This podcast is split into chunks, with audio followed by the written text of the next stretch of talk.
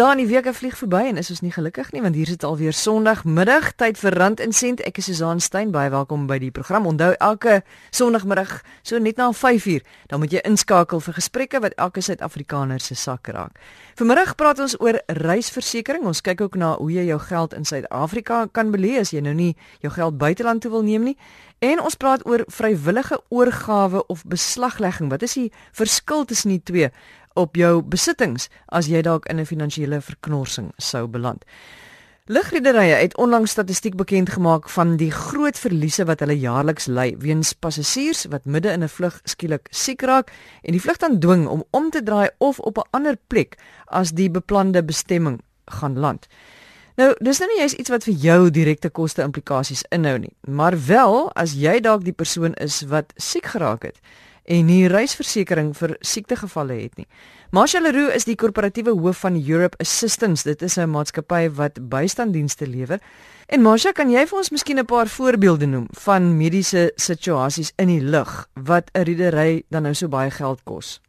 Jou mees prominente situasies wat voorkom in die lug is baie jou oor neus en keel probleme.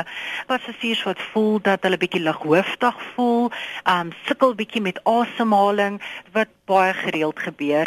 'n Dood gewoonlik van 'n hartaanval is baie minder. Dit is baie selde dat dit gebeur, maar ons het al gevalle gehad wat dit gebeur het. En vir 'n lugredery om dan hulle roete ten stop te bring en en om te draai om na hierdie tipe pasiënte te kyk kan tussen 3.5 tot 7 miljoen kos want jy jy, jy moet rebookings doen vir jou passasiers. Jy moet hulle op nuwe uh, vlugte kry. Jy moet kyk na hulle hulle bagasie wat nou op die lughawe lê en dan ook om hulle te voed en vir hulle akkommodasie te gee terwyl 'n 'n nuwe vlug gereël kan word vir hulle. En is dit onkoste wat die lugredery nou maar self moet dra Ja. Jy het ook 'n bietjie statistiek sekerlik van die hoeveel hoe, hoeveelheid vlugte wat hierdeur geraak word. Weet jy dalk ietsie interessants Ja, dit, dit dit dit kan gaan van 1 per 600 vlugte wat dit mee kan gebeur en ek meen as ons kyk na mediese uh, ongevalle kan dit 1 per 14 tot 40000 passasiers wees wat so 'n geval kan kry. En as jy dink hoeveel mense vlieg op 'n daaglikse basis, is dit nogal 'n hoë statistiek om na te kyk. Dis nou nie ons verlies direk as die lugredery hierdie klomp geld verloor nie, maar indirek kan dit ons verlies raak want pryse gaan op, vliegtuigkaartjies se pryse kan opgesit word sodat lugredery hulle self en hulle versekerings kan dek.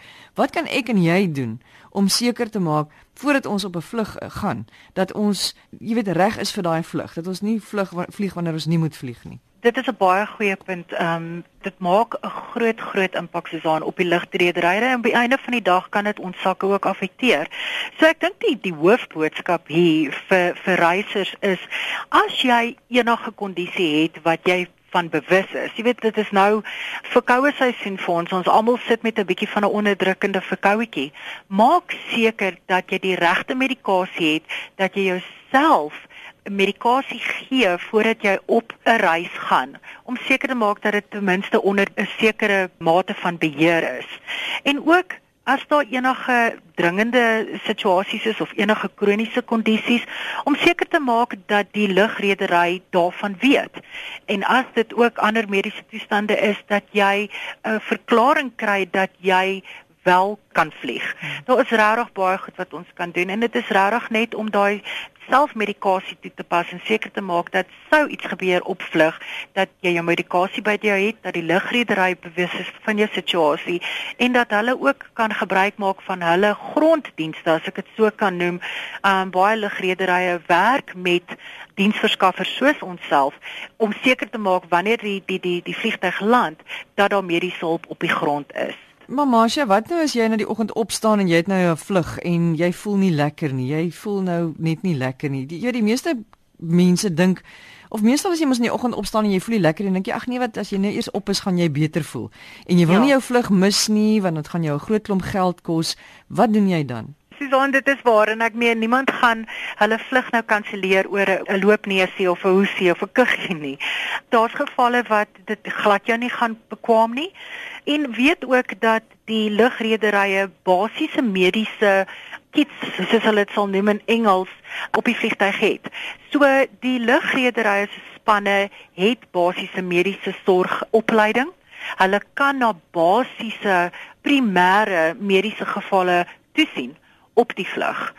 So ehm um, ek dink nie ons hoef te bekommerd te raak dat jy weet as jy nou 'n hoofpynkie kry omdat jy kongestie het dat jy weet hulle die vliegtuig nou gaan omdraai vir jou nie. Daar sal mediese ehm um, toerusting aan boord wees om jou te help om verligting te gee tot en met jou land by jou destinasie. Jy het nou net nou genoem 'n paar jy het nou net nou nogal 'n paar groot syfers genoem of getalle genoem van hmm. lugrederye of vlugte wat geraak word en passasiers wat geraak word. Maar 'n mens moet net by sê hierdie is eerder die uitsondering as die reël dat mense daarom nou ongestel raak wanneer hulle vlieg. Definitief, dit is die uitsondering. Wat kan ons dan nou doen? Jy weet as jy nou eh, eh, ek dink altyd reisversekering is nogal 'n belangrike versekering om te hê vir alles 'n mens oor see gaan. Maar hoe sal jy sê moet ons onsself verseker dat as iets met ons gebeur, dan nou in die lug of ons land iewers en daar's 'n noodgeval en ons moet 'n ambulans kry of 'n helikopter, hoe kan ons onsself die beste manier verseker sodat dit ons nie 'n klomp geld uit die sak jaag nie? My advies vir alle reiser uh, reisers is om altyd 'n kopie te hê van alles wat nodig is vir daai geleentheid waar jy nie miskien moontlik kan praat vir jouself nie. So maak altyd 'n kopie. As jy weet jy het kroniese medikasie, jy het 'n allergie, maak kopieë van dit en hou dit met jou reisdokumente. Um ook met jou paspoort. Dit gebeur baie keer in hierdie gevalle dat die vliegtuig na die naaste lughawe toe gestuur moet word en 'n transfer soos hulle sal noem in die mediese terme moet gebeur binne in die land dat al jou dokumentasie en al die bewyse van daai reg by jou is sodat as dit 'n mediese toestand is dat hulle presies weet watter versekerings het jy sodat hulle kan bepaal of jy dekking het en ook as daar enige kroniese medikasie of geskiedenis is ten opsigte van van 'n van 'n mediese toestand hulle dadelik daarvan weet. Dit is die beste raad wat ek kan gee vir reisers. En Marsha, daar's nie 'n manier wat 'n mens na die buiteland toe kan vlieg sonder mediese versekerings nie. Weet jy Suzan, dit kan verskriklik kompliserend raak as jy 'n uh, internasionaal reis en jy het 'n mediese geval, gaan daar van jou verwag word om direk kontant te betaal. So dit kan 'n ongelooflike administratiewe en finansiële nagmerrie word. Juist hoekom die versoek sal altyd wees om reisversekering uit te vat. Ek weet met baie van van die banke nou en ons op ons kredietkaarte as sodra jy jou vliegtuigkaartjies bevestig en betaal kry jy uh, op baie gevalle outomaties reisversekering daarin gebonde wat van hierdie kostes sal dek. So ek sal definitief sê die raad is sodra jy enige internasionale reis beplan, vind uit deur jou kredietkaart of deur 'n versekeraar en in in die agentskappe kan ook verskriklik baie daarmee help om vir jou te laat weet met wie is dit gekoppel sodat jy die dokumente kan kry, lees daardeur en maak seker dat jy die regte dekking het vir die regte bedrag. Ja, want jy wil nie graag iewers gaan kuier in Italië of in Londen en jy moet skielik 'n blinde darm operasie kry en jy is nie versekerings of jy het nie versekerings nie want dan kan dit jou 'n paar sommer maklik 'n paar miljoen rand uit die sak uitjaag. Dit kan en dit is nie ehm um, dit is dit is dit is dit, dit gebeur gereeld um, ons deel met verskriklike baie um, gevalle waar jy weet reis um, jy weet Suid-Afrikaanse uh, reisigers oor see gaan en 'n lekker tyd hê maar 'n been breek. Jy weet hierdie goed ons beplan nie vir dit hmm, nie. Mm, mm. Maar dit gebeur. Dit kan 'n realiteit wees en hulle verskriklik uit die sak kan sit as hulle nie die regte um, stappe geneem het en voorsorg getref het nie. Wat gebeur nou as jy dalk nou siek raak in die lug en die vliegtyg moet dringend land en veral ons Suid-Afrikaners wat mos nou nie oral toegelaat word sonder visums nie en jy land in 'n land en daar's 'n oorplasing nodig en jy het nie daai regte reisdokumente nie. Sou so 'n geval gebeur en dit is 'n medies kwalifiserende situasie hoekom jy direk na 'n hospitaal toe moet gaan om mediese behandeling te kry kan jy deur jou versekerings deur 'n um, maatskappy soos onsself 'n verklaringssertifikaat van 'n dokter kry om te motiveer dat jy dadelik die behandeling nodig het. Jy weet, 'n maatskappy soos Europe Assistance sal dan dadelik met die lugredery in werking kom om 'n tydelike paspoort vir jou te fasiliteer sodat jy die behandeling kan kry of gestabiliseer te kan word sodat jy weer na jou land van woning toe kan teruggestuur word vir vir volgende behandeling. En dit is hoekom dit belangrik is dat jy weet wat se versekerings het jy? Want agter daai versekerings sit daar fasiliteerders wat sal seker maak dat die dokumentasie wat jy nodig het tydens jou verblyf vir 'n mediese behandeling wel in plek is. Sien nou maar jy word in die oggend wakker en jy voel ellendig siek, maar jy het nou reeds jou kaartjie gekoop en jy dink, "Ag, ek moet nou maar vlieg. Ek het hierdie kaartjie gekoop. As ek hom nou nie gaan gebruik nie, gaan ek die geld verloor." Hoe kan 'n mens dit voorkom? sou dit gebeur dat jy werklik nie in 'n toestand is om te reis nie, kan jy altyd met jou reisagentskap waar jy jou kaartjie gekoop het in kontak mee kom. As daar genoeg tyd is, kan hulle die kaartjie vir jou ophou sit dan mag dalk sekere ehm um, kostes verbonde wees daaraan, maar jy weet, kyk liewer dan na jouself as om in 'n geval te word en 'n statistiek te word. En dit wels ook as jy 'n kaartjie bespreek, dan het jy daai opsie om uh, om die kaartjie te kan verander. Jy betaal 'n bietjie meer, maar dan jy ten minste die opsie om die kaartjie te verander sou iets gebeur. Korrek Susan, want ons kan hierdie goeders bepaal nie. So dis maar altyd beter om daai ekstra sekuriteit in in ag te neem en uit te neem. En veral met 'n buitelandse vlug wat tog nou aansienlik duurder is as 'n binnelandse vlug. Presies, die kostes kan hoog raak as jy nie sekere voorsiening gemaak het vir hierdie tipe gevalle nie. Masha baie dankie. Ek dink is 'n interessante riglyne vir mense wat af en toe op 'n vliegtyg moet klim. Dis Masha Leroux, sy is die korporatiewe hoof van Europe Assistance. Ons gaan voort met Rand en Sent. Onthou jy kry ons op jou radio 100 tot 104 FM regdeur Suid-Afrika, ook op die internet www.rsg.co.za en die DStv kanaal 813. Twee weke gelede, twee Sondae gelede, het Wouter Verrie vir ons verduidelik watter opsies 'n mens het as jy geld in die buiteland wil belê. Vandag het hy inligting oor binnelandse beleggings. Wouter is die direkteur van Escor Independent Wealth Managers en hy's ook die direkteur van die Instituut vir Finansiële Beplanning. Dit is die regulatoriese liggaam vir die bedryf. Wouter, waar begin ons? Dit hang af van jou termyn van jou belegging en die doel van jou belegging. So in kort om dit te antwoord, as jy korttermyn geld wil belê, vir die beste opbrengs gaan kyk na iets soos inkomstefondse of geldmarkfondse. Dan word oor die jaar sal ek my geldjies daarso belê. As dit langer termyn is, is dit baie belangrik dat ek blootstelling kry aan ander tipe bateklasse. Ander bateklasse sal wees soos eiendom, genoteerde aandele en dan ook kan 'n mens gaan kyk as jy 'n kundige is, kan jy begin belê in goed soos skilderye, munte en so voort. So ek sal altyd kyk na die termyn van die belegging en die doel daarvan en dan ook baie belangrik om seker te maak dat ek 'n diversie van aandele het in my portefeulje om seker te maak dat ek nie alles in een mandjie sit en ek wil nie al my eiers in een mandjie sit nie. Nou goed, nou is dit vir my baie lekker. Ek belê nou en ek kry nou lekker opbrengs, maar nou die groot vraag is hoe op watter maniere kan 'n mens dit veilig hou teen die belastingman? Terwyl jy daarom nog steeds, jy weet, jou plig as belastingbetaler nakom. So beleggings en belasting is baie belangrik om dit saam te sien en enige portefeulje is baie belangrik om dit saam te oorweeg. So daar's 'n paar maniere hoe mens belasting kan struktureer binne kan beleggings. Die heel eerste en seker die beste belegging wat jy kan maak in jou lewe is om jou volle bydrae tot jou pensioen uittreë of voorsorgfondse te maak en daai vergunning wat ons het om 350 000 per jaar by te dra te kan gebruik. Met ander woorde, eenvoudig gestel, vir elke 1 rand wat ek wegsit vir my ou dag, gee SARS vir my my huidige maksimale belastingkoers terug. Met ander woorde, my belastingkoers 30% is, gee SARS my 30 sent terug van elke R1 wat ek insit. So wat dit jou kos in terme van kontant vir 70 sent en jy kry onmiddellik R1 se voordeel.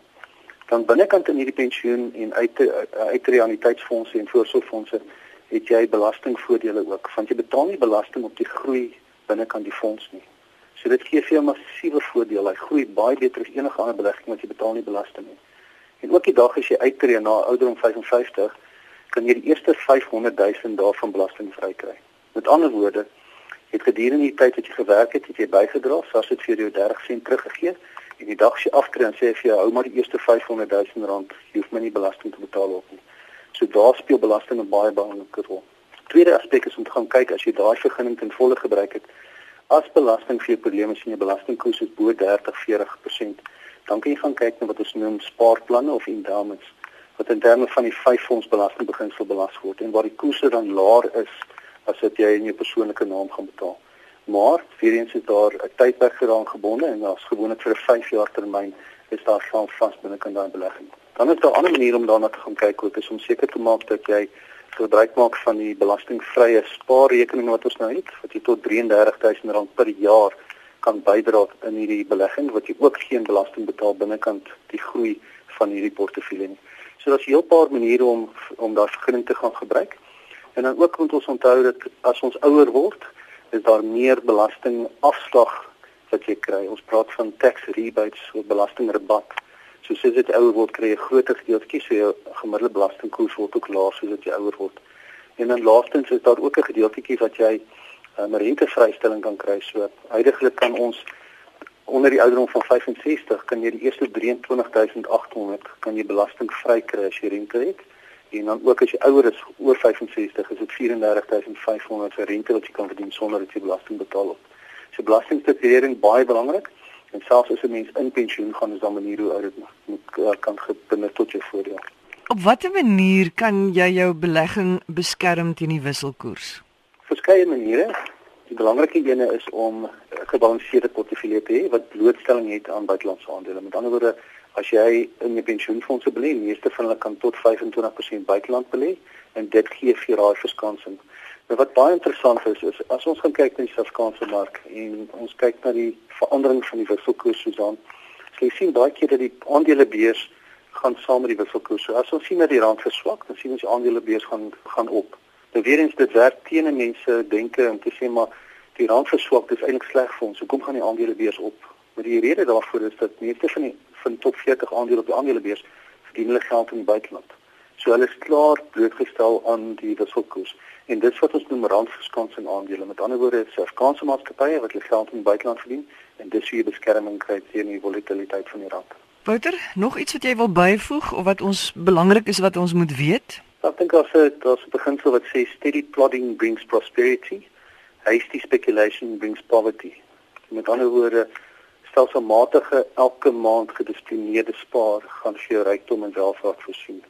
En kortstondige vinnige winsmaking, dit is in die meeste van die gevalle tot jou nadeel.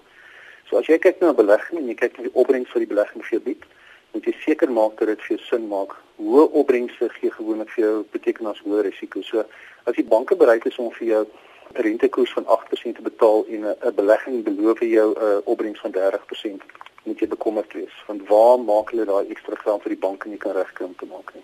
Ja, geduld is 'n baie goeie eienskap om te hê as jy jou geld wil belê. Dankie Wouter, hy is die direkteur van Escor Independent Wealth Managers. Net voordat ons groet, ons leef in moeilike tye en dit kan gebeur dat jy op 'n dag besef dat jy nou net nie meer jou motor of daai meubels wat jy gekoop het of wat jy dan nou ook al op skuld gekoop het meer kan afbetaal nie. Dan moet jy besluit, gaan jy vir vrywillige oorgawe of gaan jy wag tot die bank of wie ook al beslag lê op jou goedere. Wiekus Olivier van Detsy verduidelik nou vir ons wat die verskil tussen vrywillige oorgawe en beslaglegging is. Wiekus, begin sommer met vrywillige oorgawe asseblief. Dit is nie 'n uh, bankterugname of 'n uh, repossession soos wat baie van die mense van praat nie. Hulle 'n bankrepo. Hulle vat nie jou goed terug nie. Baie van die banke kom en hulle sê meneer in terme van afdeling 127 van die kredietwet is jy agterstallig en ons wil hê jy moet hierdie papiertjie teken sodat jy vrywillig eintlik jou voertuig vir ons teruggee. En wat die wet dan sê is dat as jy agterstallig is op daardie rekening en jy gee dit vrywilliglik terug, dan kan jy nie daai voertuig weer terugneem nie. Wanneer jy op datum is met daai rekening en jy voel dat oek ek gaan ergens in moeilikheid inhardloop, ek moet hierdie voertuig dalk oorweeg om dit terug te gee. Dan kan jy dit teruggee as jy nie agterstallig is nie. Dan moet die bank vir jou 'n waardasie doen en sê hierdie is 'n uh, geskatte waarde wat ons gaan kan kry vir die voertuig. Argument sou dalk 100 000, jy skuld nog 80 000, dan kan jy nou sê verkoop hom en hulle gaan die verskil aan jou terugbetaal. Maar as dit andersom is, jy skuld 100 en hulle kan hom net verkoop vir 80, dan gaan jy daai verskil weer aan die bank moet terugbetaal.